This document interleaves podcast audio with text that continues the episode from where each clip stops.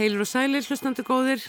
Það er sýstur, sorgin og gleðin er á stjái í þættinum orðum bækur af þessu sinni. Í vikunni bárust þær fréttir að finska skáldið Klas Andersson var í látin. Andersson var ekki bara fantafingt skáld sem skrifaði bæði ljóð og prósa, hann var líka liðtækur jazzpianisti, geðleiknir og stjórnmálamadur með að segja ráð þeirra menningamála um skeið á tíunda áratögnum í Finnlandi. Hér og eftir heyrum við í tveimur íslenskum skáldum sem þekktu til Klas Anderssons bæði í eigin personu og verka hans. Í síðasta þætti var því lofað að fyrsta bók Karls Ágústs Olssonar leikara og fyrrum spökstofumanns erði tekinn til kostana og þannig verður það líka. Karl Ágúst segir frá bókinni Átta sár á samvinskunni í síðara hluta þáttarins í dag. Við byrjum á minningu eins af hennum stóru í menningarlífi finna um langa hríð.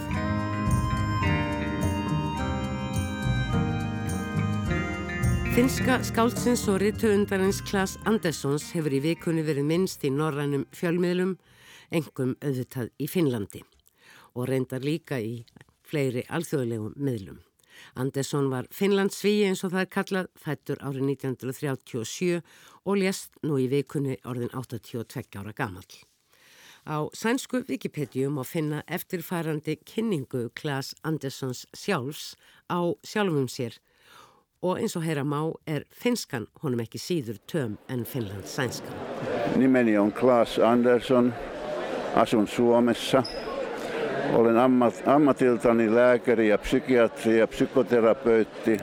Ég heiti Klas Andersson, ég bý í Finnlandi, ég er læknir að atvinnu, gæðlæknir og sálgreinir.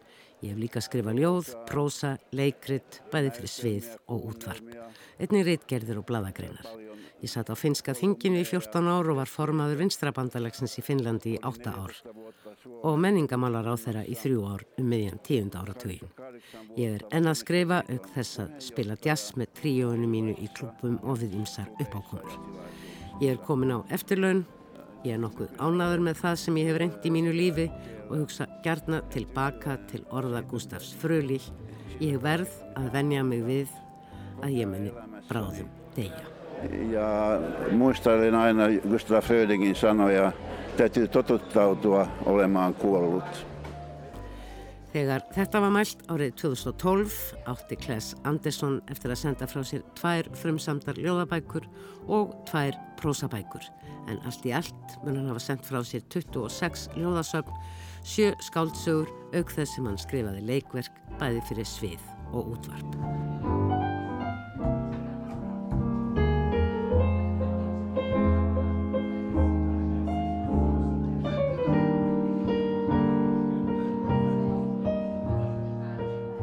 Þá hér leika Klas Andersson á piano og Pentti Mutikainen á cello verkið Storyville.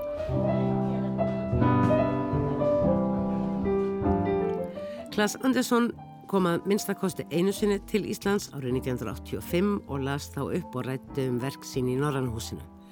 Það er þó afar líklegt að hann hefur komið hingað oftar, ekki síst vegna þess að hann var um skeið formaður sænska rítvöndasambandsins. Það kom mér satt best að segja verulega og óvart að komast að raunum að fram til þessa hefur ekkert ljóð eftir Klas Andersson verið þýtt yfir á íslensku eða að minnstakosti hefur ekkert ljóða hans byrst á íslensku á prenti. Árið 1976 frumsýndi leikfélag Reykjavíkur leikrit Fjölskyldan eftir Andersson í þýðingu heimis Pálssonar. Verkið náði góðum vinsaldum og var í kjálfarið sett upp nokkrum sinnum hjá áhuga leikfélagum út um land. Íslensk skáld fylgdust mörg hver vel með þróun móternískrar ljóðlistar á hinum Norðurlöndunum á síðustu áratugum 20. aldar og þau þekkja vel til Klas Anderssons og verka hans. Þeirra á meðal er Steinun Sigurðardóttir sem ég er einmitt með í símanum, sæl og blessu Steinun, stödd í Þýskalandi á þessari stundu. Kontu sæl. Þú hittir Kles Andersson nokkrum sinnum ekki satt og þekkir eitthvað til jóða hans. Já, við hittumst uh, oftar en einu sinn og oftar en tvísar á ljóðaháttíðum. Það er á meðal í Finnlandi og uh, ljóðin eru mér minnistæð og ég var að rifja þau upp líka núna þegar þessi sorgafrétt kom og hann væri dáin. En uh, það sem að stendur kannski algjörlega upp úr það er hans personuleiki. Einmitt. Og ég er ekki einum að tala um það. Þetta var, sko, mann man er verstungum tönn sem maður á að byrja að tala um þetta því að hann, hann var algjörlega einstakur. Það er einhver djúpur mannskilningur, djúp manngæska, mikil húmor. Og ég man að við hlóum og hlóum, en ef þú spyrðir mig að hverju hlóum við, þá veit ég það ekki. Ég var mjög hissa þegar ég komst að raunum að það hafði svona lítið eða bara hreinlega ekkert ljóðaðans verið þýtt yfir á íslensku.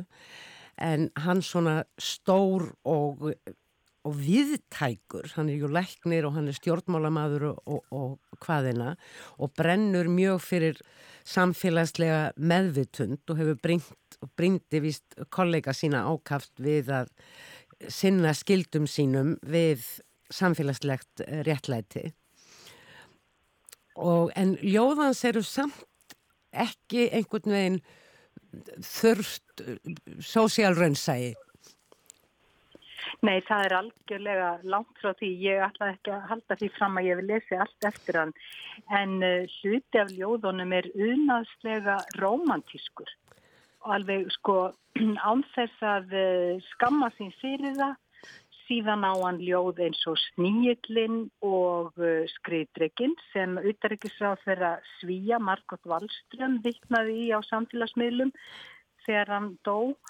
Ég, þetta var nú ljóð sem ég ætlaði eiginlega að vera búin að þýða fyrir okkur en það tókst ekki en títillin segir mjög margt. Nákvæmlega. Og auðvitað er Klass Andersson, var, það má nokkur ekki gleyma því að hann var frábær pianisti, jazzpianisti og músikin er í ljóðunum hans og svo þessi sætt beiska írónía sem að mér finnst einnkjörna mörg finlandsænsk skáld og ég sé hann mjög stert í þessari finlandsænsku tradísjón.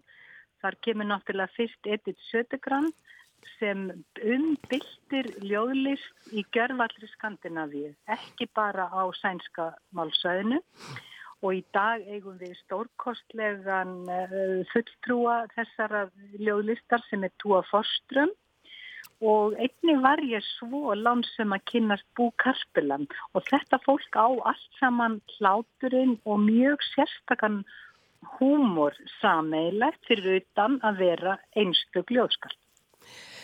Mér, mér sínist það, hann er verðist svo brennandi í sinni sko samfélagslegu sín en um leið segir hann sko að að þáttöku sín í stjórnmálum hefði hann læst að ekkert drepi lífið, hefð skapandi tungumál en skilvirt og meðvitað markmið, sannfæring eða áróður. Ljóðið sé svo mikilvægt, segir hann, emitt vegna þess að það fel ekki í sér markmið. Ljóðið er fullkomlega gagslaust, eldur hann áfram og í því felst mikilvægið þess. Ljóði stað... Þetta finnst mér stórkostlegt, já fyrirgeðu. Já, ljóði staðfestir líka þá sín að aðeins þegar við hættum að sækjast eftir einhverju ákveðinu fellur það okkur helst í skaut. Þetta, þetta er náttúrulega bara stórkostlegar uh, línur frá manninum. Þú veist að hann var náttúrulega metamálar á þeirra líka á fjög, fjögur árum ef ég mann rétt í Finlandi og þannig að hann náttúrulega aldeilis nútum kunnur í sambandi við áróður og, og þetta stjórnmála sjargon sem er svo gjör eðandi fyrir hugsun og, og hérna og tungumál. Og ég las þarna í einhverjum greinum í Books of Finland eh, from Finland tímaritinu að einmitt eins og þú segir, hann skrifar ástarljóð og þau verðist hafa verið einstaklega uh, vinsæl og líka ljóð um ástina sem hann, og hann verið sjálfur hafa elskað mikið, þrý giftur maðurinn og sex barnafaðir. Þú vaktir aðtegli mín á ljóði eftir hann sem að fellur svo vel að, uh, að þeirri lýsinga á ljóðum hans að þau séu einföld en munúarfull. Þetta, Já. hún gór með vindin í sitt hór og Get... þetta er svo unnarslegt og ég segi bara engin ljóðlist án munúðar og ekkert skrýver í án munúðar sko. Ef við ekki að hlusta bara á þetta ljóð að lokum við lag uh, Jafnaldra Andersons, Kari Rýtmann ég veit reyndar ekki nákvæmlega hver syngur og þakka þér steinun fyrir að veita okkur hlutdeilt í þínum kinnum af greinilega mjög einstöku ljóðskáldi og mannesku Klas Andersson frá Finnlandi sem lést nú í vikunni 82 ára gamal. Takk fyrir að leifa mér að tala um þennan öðling. Hún går med vinden i sitt hår Jag älskar hennes sätt att gå Jag älskar hennes sätt att gå Med vinden i sitt älskar sättet vinden går i hennes hår och vindens sätt att gå i hennes hår. Jag älskar när hon går. Jag älskar hennes sätt att gå med vinden i sitt hår. Jag älskar vindens sätt med hennes hår. Jag älskar vindens sätt att gå i hennes hår Jag älskar henne då hon går med vindens sätt att gå i hennes hår Jag älskar henne och jag älskar vinden när hon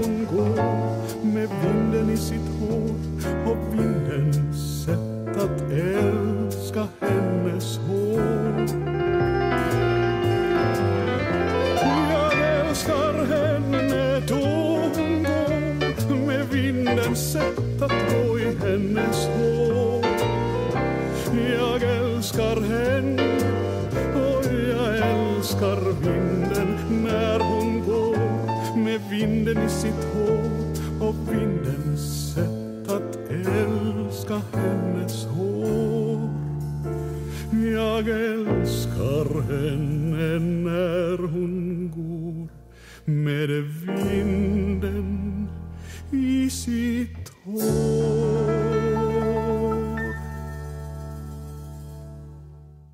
Við heyrðum hér lag Kari Rydmans við texta eftir Kles Andersson, Finnlands sænska skáldið. Hún gór með vinden í sitt hór. En uh, nú er Anton Helgi Jónsson hingað kominn en ég ringdi í hann bara í gær og baðan um að þýða svo litið ljóðbrott sem að hafði byrst á heimasíðu sænska Yle, sænska útvarsins í Finnlandi og Anton Helgi brást náttúrulega vel við, þakkaði fyrir það. En bendi ég að franta á annað ljóð.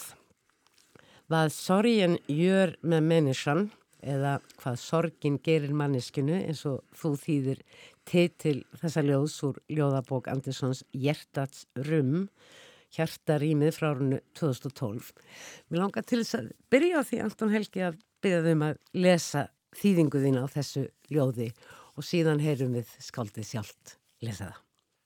Hvað sorgin gerir manneskunni Aldrei er elskast jafn mikið og þegar einhver hefur dáið. Allir gera það eða við gerum okkar besta. Í skonsum og skúrum, í bílum og bátum, undir vassborðinu og uppi í skíunum, undir steikjandi sólargeistlum, í tunglskinni, reik og þoku.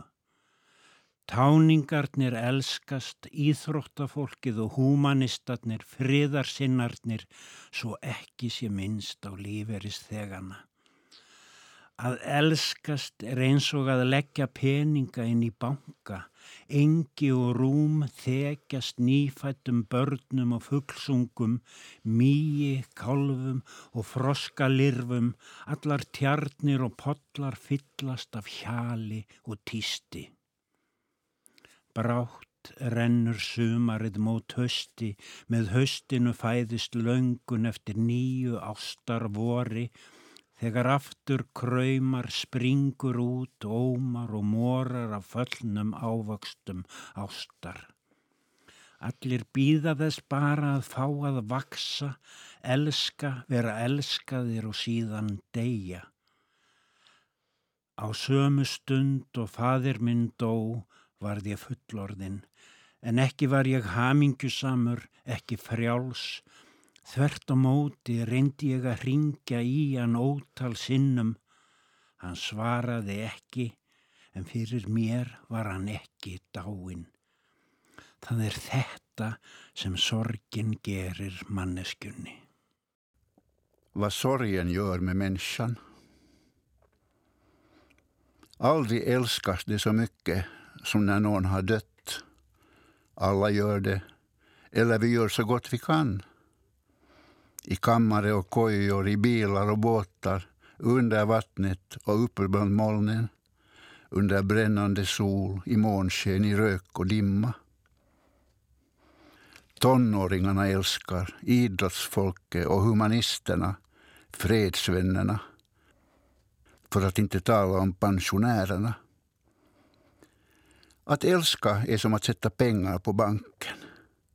Ängar och sängar täcks av nyfödda barn och fågelungar, myggor, kalvar och grodlarver. Alla pölar och pooler fylls av joller och pip. Snart kantrar sommaren mot höst. Med hösten föds längtan efter en ny kärleksvår.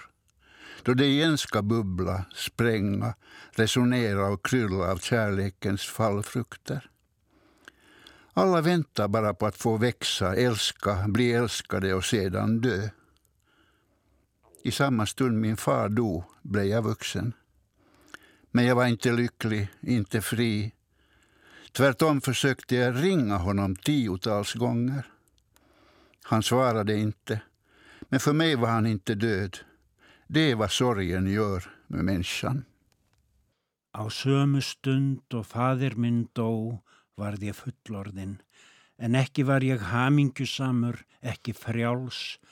Þvert á móti reyndi ég að ringja í hann ótal sinnum. Hann svaraði ekki, en fyrir mér var hann ekki dáin. Það er þetta sem sorgin gerir manneskjunni. Þetta er fallegt. Þetta er alveg indislegt ljóð. Þú saði mér í gær, Anton Helgi, þegar við rættum um að þú legði til allögum með mjög skammum fyrirvara að þýða nokkur ljóð eða tvö eftir Kles Andersson að þú hefðir hittan, þú hefðir kynstónum og uh, ætti mér að sé eina áritaða bók eftir hann og hefðir orðið fyrir einhverjum áhrifum. Já, eða ég reyndi það að verða fyrir áhrifum. Hann reyf mig sem skáld og líka þetta árangur skáld að þingi hérna í Reykjavík minni mig og ég var ungur maður og, og svo sem eins og alltaf ég leitað góðum fyrirmyndum og hann, hann var góð fyrirmynd fyrir ungan vinstri sinna strák. Hann hann var ákvæmlega hlýr maður fannst mér, verkaði á mig svona, hann var svona svolítið bánsi stór og mikill kall Já, svolítið feitur eða ekki? Jú, eða svona þykkur einhvern veginn sko en það, ég fann hjá hann alveg ákala mikla hlýju og velvild og, og minnistans með, hérna, já, ég minnistans með mikill hlýju en ljóðin hans ekki síður hérna, skiptu mig máli og þá tala ég um þau ljóð sem ég kynntist þarna þessu, þessum árum kringum 1980 og tengi þau svolítið við það sem að Það var nú Óláns hugtak sem var notað hér á, þeim árum um þess konar ljóð, það var að tala um opinu ljóð að, og hann held ég að megi segja hafi komið fram sem ungskáld á, á sjönda áratugnum sem svona í svolítið anstöðu við þennan hátimbraða móternisma sem hafi verið þar á undan. Mm. Hann stopnaði vist sko tímaritt og þar sem hann gaggrindi mjög hart einmitt fagufræðilega sín mótanistana sem höfðu gengið á undan honum og sérstaklega svona þeirra náttúru sín og innkverfu. Já, en þessi ljóð sem ég kynntist á þann tímbil voru einmitt alveg þvert á móti, það er sko... Það Hann orta öðruvísi. Já, það er bara, það er ofta á tíðum er það, er það maður, karlmaður þá sem er í einhverjum aðstæðunum eitthvað að, eitthvað að delera, eins og maður segir sko.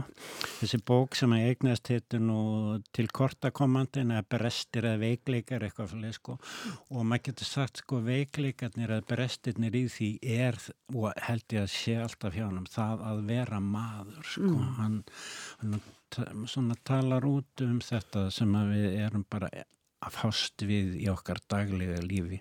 Af þessum ljóðum sem ég náða að lesa, þannig að flest hafði verið þýtt yfir á ennsku og byrtust þarna í Books from Finland, að þá virðist mér hann, sko hann er mjög persónulegur í ljóðum sínum, í, í þeim ljóðum allavega, segir mikið frá sjálfum sér og, og sínum svona aðstæðum. Já, ég, af þessu sem ég kynntist hjá honum í þessum bók, þá, þá virkaði það svolítið þannig á mig líka, en um leið sko er hann ekki lokaður af því hann er alltaf að draga samfélagið inn í og hann er alltaf í einhverjum aðstöðum og ekki síst eins og ég segi, svo ég tala um þetta með pólitíkina, að hann sko, hann talar eins og vinstirimaður sem að hefur áhyggjur af, af ástandinu í mm. heiminum mm. og jörðinu og er ekki eitthvað íta því frá sér og, en sko kemur að því á ýmsan máta því hann getur nú verið svona dáltið kaltæðin eða svona, hefur svona sérstakann húmor svolítið, sko, sem að það kannski líka höfðar til mín sko. mm. Steinun talaði um að þetta væri svona dáltið finskur húmor Já, sjálfsagt sko. og hann tala nú sjálfur á einum stað snappaði upp setningu í þessum ljóðum sem byrtu stafn í búks frá Finnland þar tala hann nefnut um kaltæðina og segir það er auðvelt að vera kaltæðin þegar maður hefur allt til alls Já, það hérna... Þetta er hending og ljóði, sko. Já, já, mér dettur í hug kveikja á því, hann var nú að, sko, hann var nú svolítið skammaður og líka mönnum hér á Íslandi, hann kom nú alltaf oft hérna til Íslands, held ég. Já, allavega einu sinni, ég eh, gæti ekki fundið á tímaritt.is eða þar sem ég leitaði. Það var í einhverjum hópi þar sem voru fleiri finskált og, mm. og og hérna að minnstakosti einhver tíman íttan það vel við einhverju og snerti Mattias Jóhannes en að Mattias orti svona ljóð sem hann byrti í lesbókinni þar sem hann sko er að nýta í, í glas fyrir afstöðu sína. Og það er mjög eiginlega merkilegt vegna þess að sko að þeir eru sko formlega séð og sem skáld á eiginlega bara alveg nákvæmlega sem er blansinu, þeir eru bara á sikvarnastanir í pólitíkinni sko, en að einhvern nátt mjög skildir sko. Mm. En eins og ég segi, ég var ótrúlega hissa þegar ég áttaði mig á því, ég held ég geti gengið að bara nokkrum ljóðum þýttum eftir hann í gegnum tíðina, en svo var greinilega ekki. Nei, það kemur óvart, ég, einhvern veginn, þú talaði við mig, ég mér fannst ég hafa séð bóka eftir hann en, en kannski bara nefnum mér þetta svolítið sérstast Já. En upphafið að þessu öllu saman var að ég baði um að þýða lítið ljóðbrott sem að byrtist eh, eins og áður sagði á heimasíðu Yle, sænska útvarsins þegar Klas Anderssons var minnst eftir látans nú í vikunni. Og það eru auðvitað um dauðan en ekki hvað við þessar aðstæður. Erum við kannski að heyra það núna? Er við fæðumst hefst byð okkar eftir því að fá að deyja. Svo margir á undan okkur í byðröðinni áður en við fáum að deyja. Svo margir á undan okkur í að deyja. Hvað gerist næst? Það er aftur að býða, svo sem býður mun trúlega ekkert sjá. Anton Helgi Jónsson ljóðskáld las hér þýðingu sína á ljóðbróti um dauðan eftir finlandsanska skáldið Klas Andersson sem lést nú í vikunni. og Anton Helgi kynntist á sínum tíma og varð fyrir áhrifum af. Klas Andersson var eins og kannski gefur að skilja marg velunaðri töfundur og ljóskáld ekki síst fyrir sína samfélagslegu köllun sem hann óf af svo miklu list og einfaldleika inn í verksín. Virtur og dáður í heimalandi sínu og svo miklu víðar. Blessuð sé minning hans.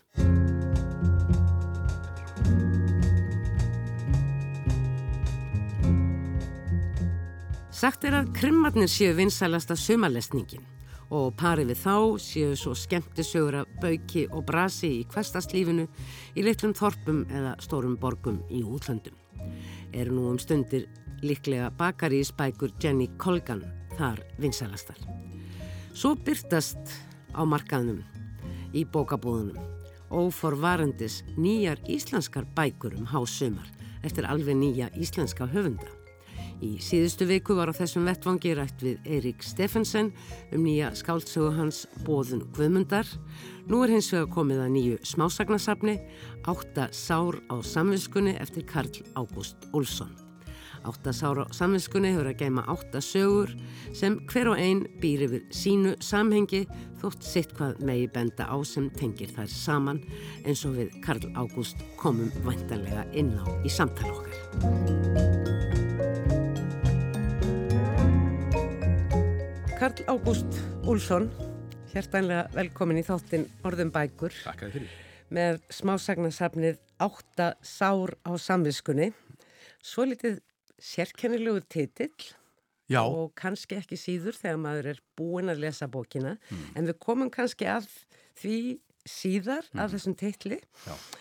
Um, ég vil óska þið náttúrulega til hamingjum þessa bók. takk að þið. Ég hafði bráð gaman að því að lesa hana. Þetta eru átta smásögur eins og kannski teitillin Íjar að og ég var nú þegar ég var að lesa hana uh, þess fullviss að þetta væri þín fyrsta bók, já, svona saga á bók eða sögur á bók. Já. Veit að þú hefur uh, náttúrulega skrifað uh, bara kannski allt þitt líf. Já, já, Skrifað. Sketsa og leikrit og þýtt og hvaðina. En þú sagði mér áðan að þú hefðir áður sendt frá því bók. Mér fannst það aðtiklisvert og mér langar líka til að heyra aðeins um hana. Svo Já. við tökum það bara svona Já, já, tíu framfyrir. Já, ég gaf, fyrir, eh, gaf bók út fyrir núna, ég held að séu þrjú ár síðan frekar en fjögur. Ég gaf út bók sem að heitir uh, Athena, Ohio og eru 75 örsugur. Bara svona þriðjungur úr síðu, hálf síða eða einu og Nei, það er sko, ég er nefnilega, sko, ég segi alltaf örsugur en ég veit að það er ekki alveg rétt vegna þess að það eru flestar svona þrjár blaðsir, þrjár fjóra blaðsir. hálf. Stuttsögur. Stuttsögur, já, kannski, já. Þetta eru frásagnir sem ég skrifaði þegar ég var í námi í Bandaríkjunum fyrir óbóslalöngu síðan og uh, þá skrifaði ég uh, svona hugleðingar eigaskækjans sem er stattur í stóra samfélaginu og er að kynnast hlutum sem hann hefur aldrei séð að upplifað áður og finnst náttúrulega í flestum tilfellum lítið til koma því allt er svona heldur, heldur verra og menningar snöðara heldur en heima á fróni. Þannig að þetta er svona, já, þetta eru svona vangaveltur uh, þess sem að hleypir heimdraganum og, og lendir í svona í því- sem hann átti ekki Í vona. hinnum stóra Í heim. hinu stóra heimi, já. já. Spennandi, ég mun reyna að komast höndum yfir þessa bók. Já, þetta skemmtilegt. En uh, áttasvara samviskunni Mm. kom virðulega út hjá bókaútgáfinni Benedikt. Já. Ekki alls fyrir löngu, sex vikur síðan eitthvað svo leiðis. Já, geti verið. Og uh, þetta eru smásögur Mhm.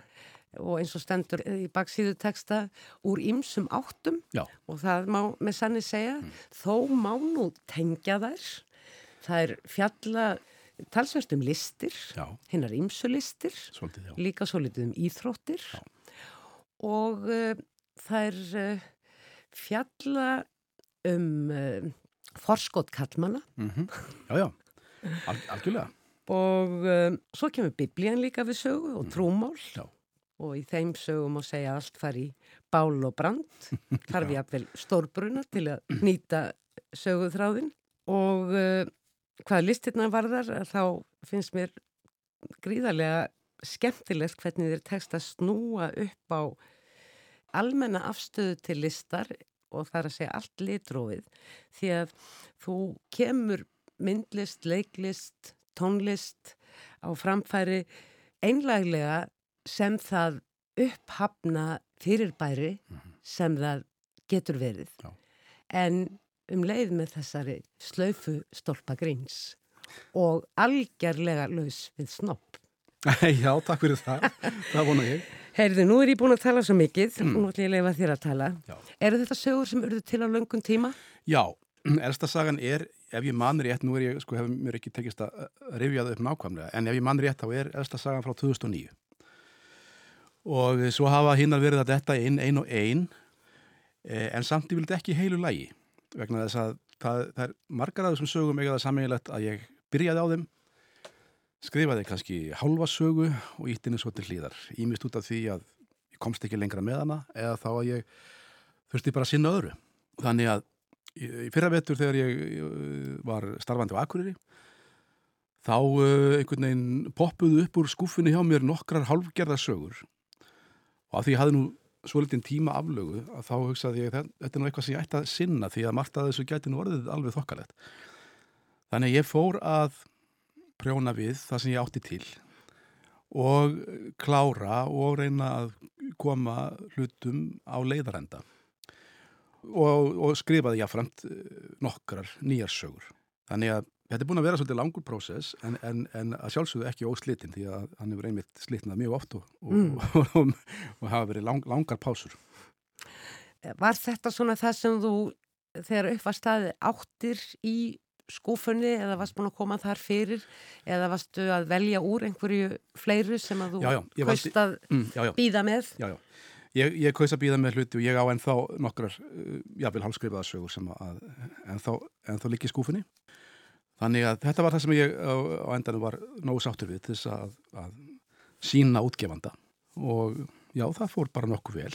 Getum við uh, skoðað einhverja eina sögu því að það er ofta ekki alveg ljóst svona hvar kveikjan er og þó það byrjar yfirleitt ekki á henni að, að því að mér virðist.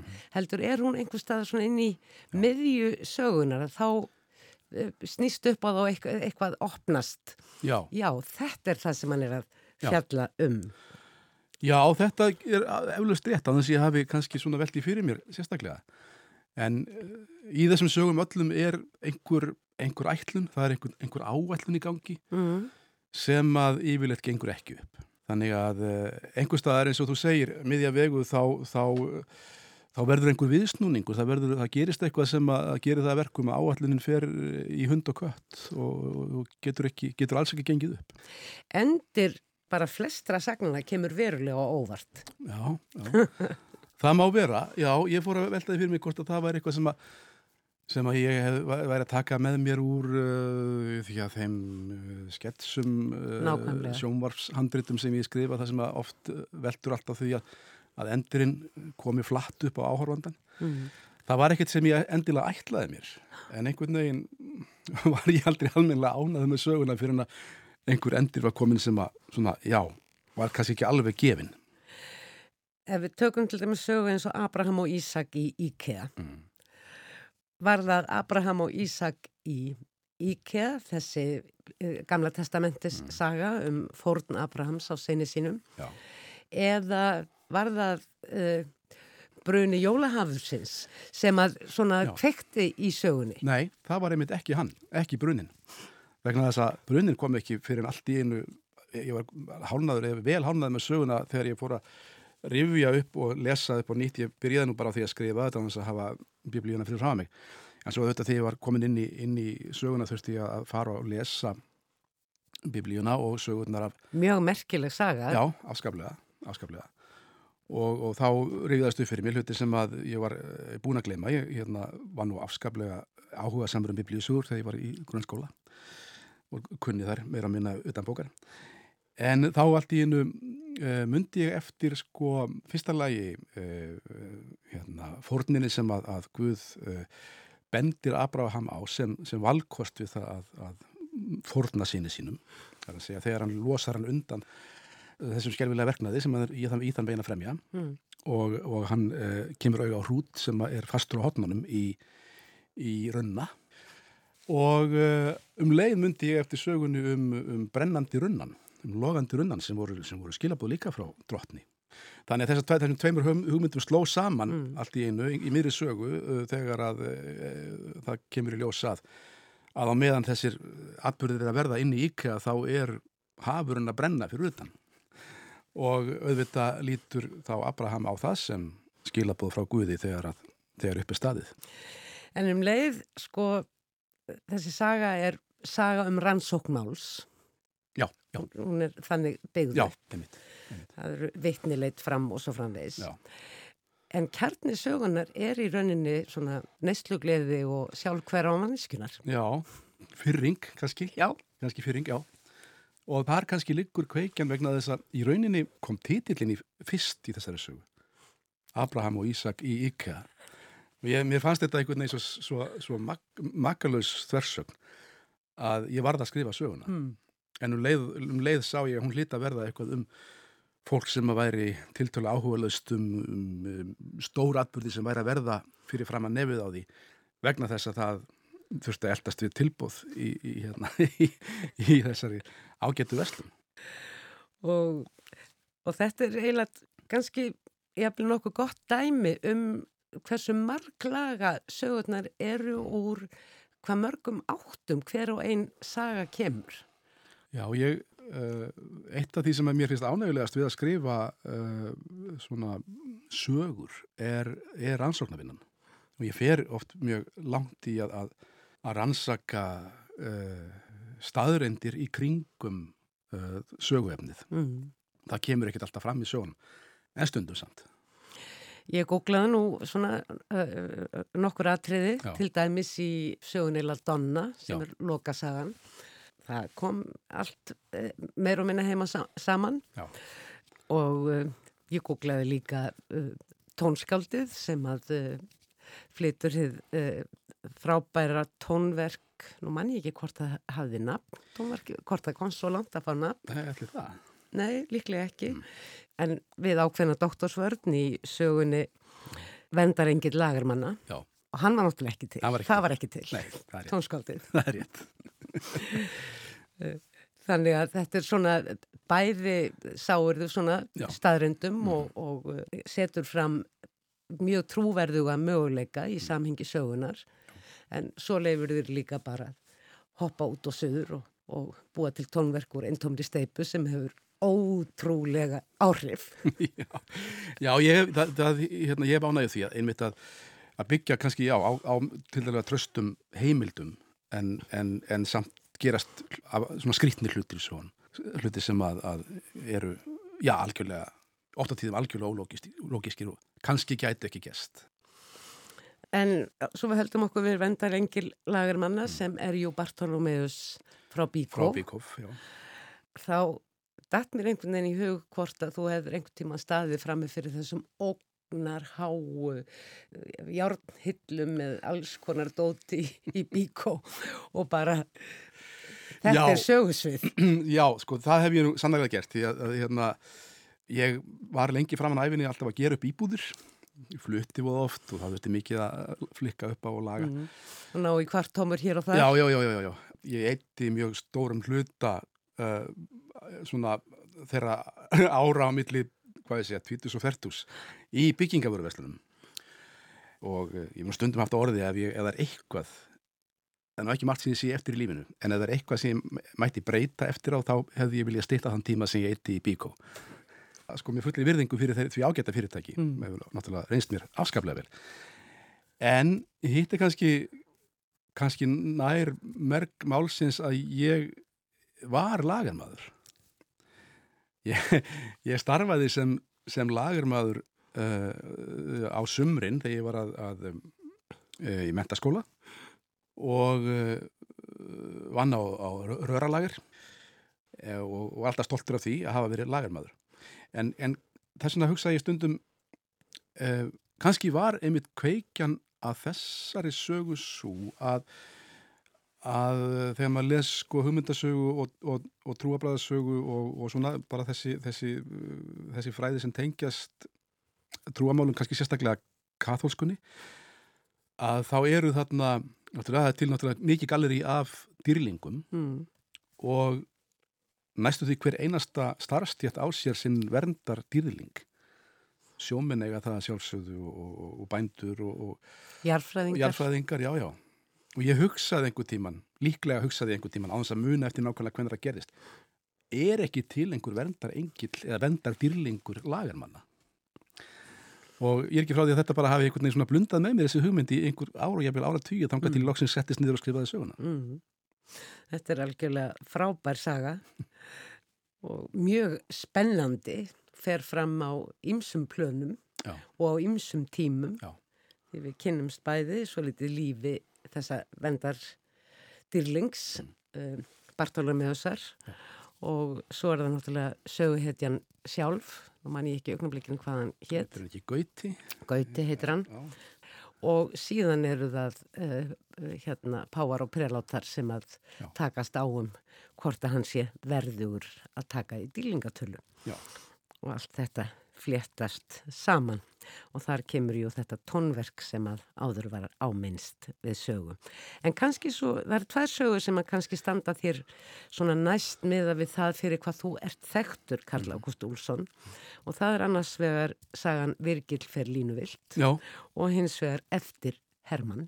Þetta eru leikhússögur, þetta eru sögur sem tengjast, já, leiklist og eða skemmti Bransanum. bransa. Já. Já.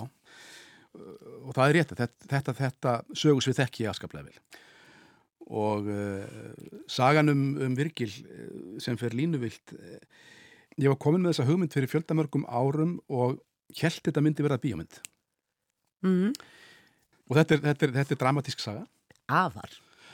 Og, Og- þannig er ástin líka Þarna er ástin. Ég heldur betur. Því að hún er ekkert mjög í forgrunni í, í þessum sögum. Nei, nei, ekki, ekki þannig. En uh, einhver tíman, einhver tíman á leiðinni þá hugsaði ég, já en kannski bara smásaga. Jafnvel nóvela hugsaði ég, en, en svo hugsaði ég, nei, hún væri líklega bara best svona. Þetta er reyndar líklega lengsta sagan í, í Já, bókinni ég held það. og þegar, við, þegar ég ákvaði að gefa hana út í þessari bók þá fór ég á stittana svolítið, svo hún er ekki alltaf dominerandi. En þarna er, þarna er leikhúsið sögusvið og, og, og frumsýningar kvöld og frumsýningar nótt sem að, að sagan gerist á. Og þessi ángist, gaggrinninni. Það er einmitt það. Og það, það er nú kannski eitt af því sem að þessar sögur eiga samílegt að það er fjalla held ég allar um fólk í sálarháska. Já, en líka oft í svolítið sko sálarháska villu.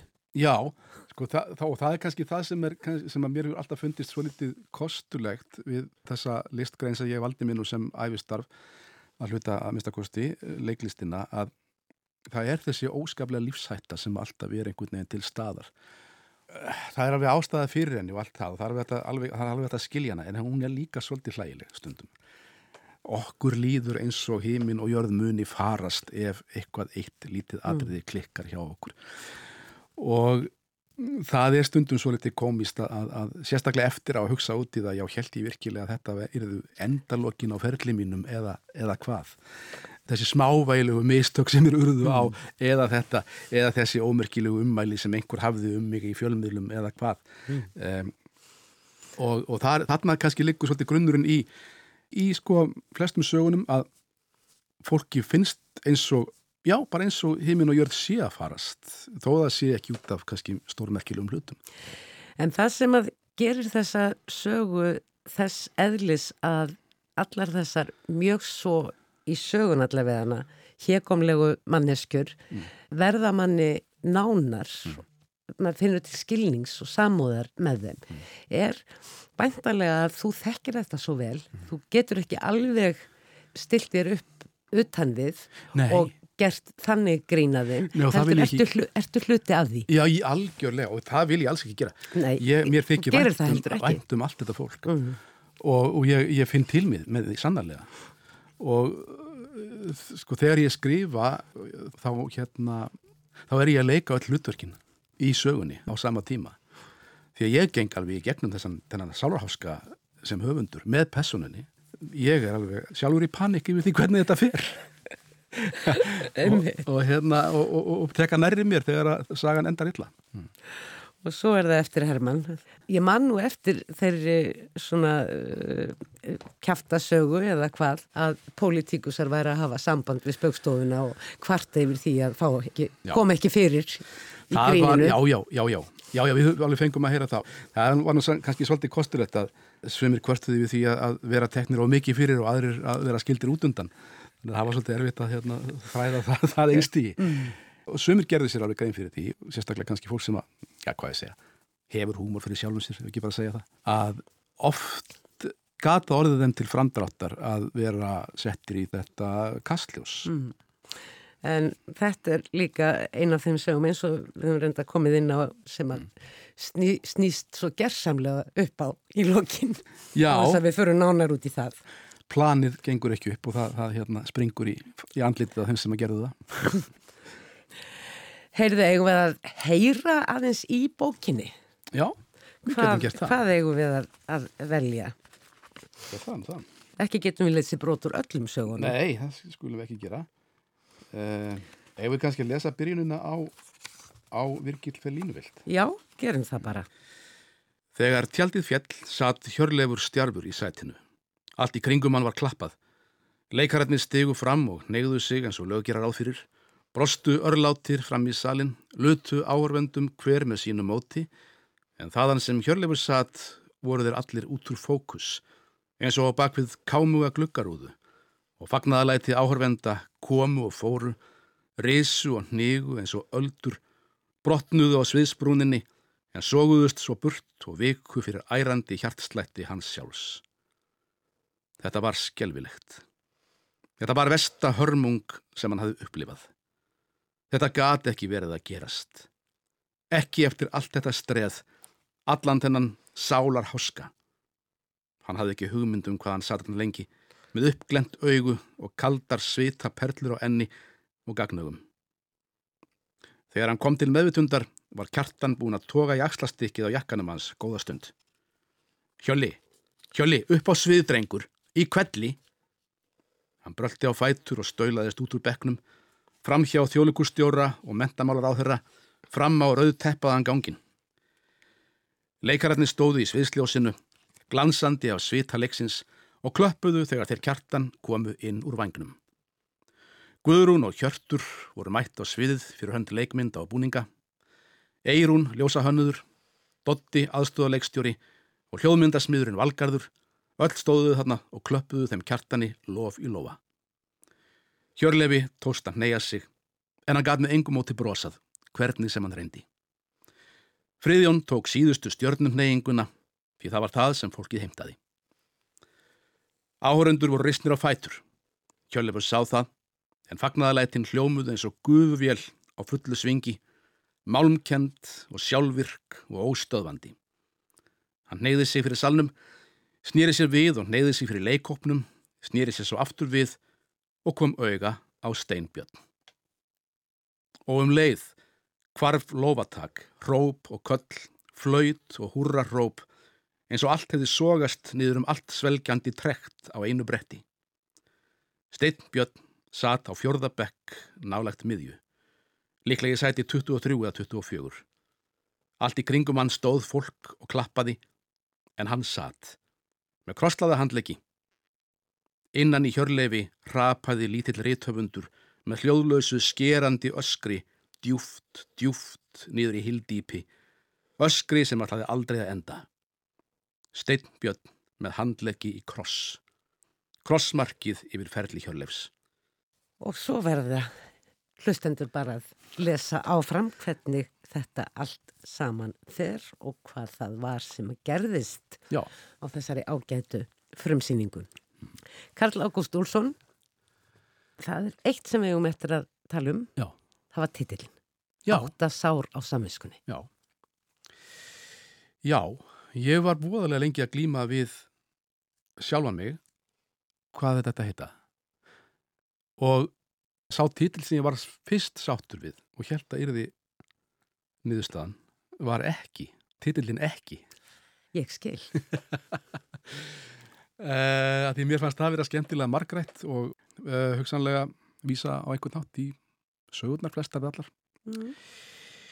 En svo einhvern veginn kom þetta til mín. Slæm samviska kemur mjög við sögu í þessum Já, sögum. já, eftir sjá yðrun, Eftir sjá, já. já, vilji til yðrunar, Já, kannski ekki alltaf geta. Já, fólk sem er að reyna að fyrirgefa sjálfu sér eitthvað sem það því finnst að hafa gert af sér í lífinu. Þannig að samviskan einhvern veginn lættist inn í titilinn og áttaði náttúrulega bara Fjöldi fjöldi sagna. sagnana. En svo var bara ágættum maður sem benti mér á þetta og það var svolítið skemmtilega ábending að hérna ég hafði margar af þessum sögum á samviskunni. Ég hafði svolítið samviskubitt gagvart þessum sögum, þessu fólki sem ég var búinn að, að gefa líf og hafði ekki gefið mér tíma til þess að sinna þannig að það fengi einhverja svona niðurstöðu á sínum málum og uh, það gaf þessum titli alveg nýja merkingu fyrir mig svo ég hugsaði að þetta er ábyggilega rétt ákvörðun. Öruglega. Karl Ágúst Úlsson, takk kærlega fyrir þessa skemmtilegu sömarlesningu sem að ég held að líka í við á vetri. Já, vonandi. Takk fyrir það. Þótt það sé ekki til seðs í verðilegum bókmyndafætti að auglýsa háarar útiháttíðir sem fara fram um vestlunmanna helgina, þá má ég til með að vekja aðtigli á fáinum atriðum á félagsleikum fljótamanna sem fara fram í fljótunum á ketilási brúnastöðum, sólgörðum, langhúsum og víðar í fljótunum nefnilega um þessa mestu ferðahelgi ásins. Það verður nefnilega á félagsleikunum opnuð síning mert vinsælustu skáldkonu Íslands. Já, Guðrúnu frá Lundi. Og við það tækifæri heldur Dagni Kristjánsdóttir, professor emeritus og doktor, fyrirlestur um Guðrúnu, auk þess sem hún og Silja Aðalsteinsdóttir hyggjast leiklesa einhverja af hinnum fjölmörgu óborganlegu samtölum sem príða dalalífsbækur Guðrúnar frá Lundi. Sem sagt, Guðrún frá Lundi, Dagni og Silja á félagsleikum fljótamanna um Vestlunmannahelgina. Fleiri verða orðum bækur ekki að þessu sinni. Takk fyrir að hlusta. Verðið sæl.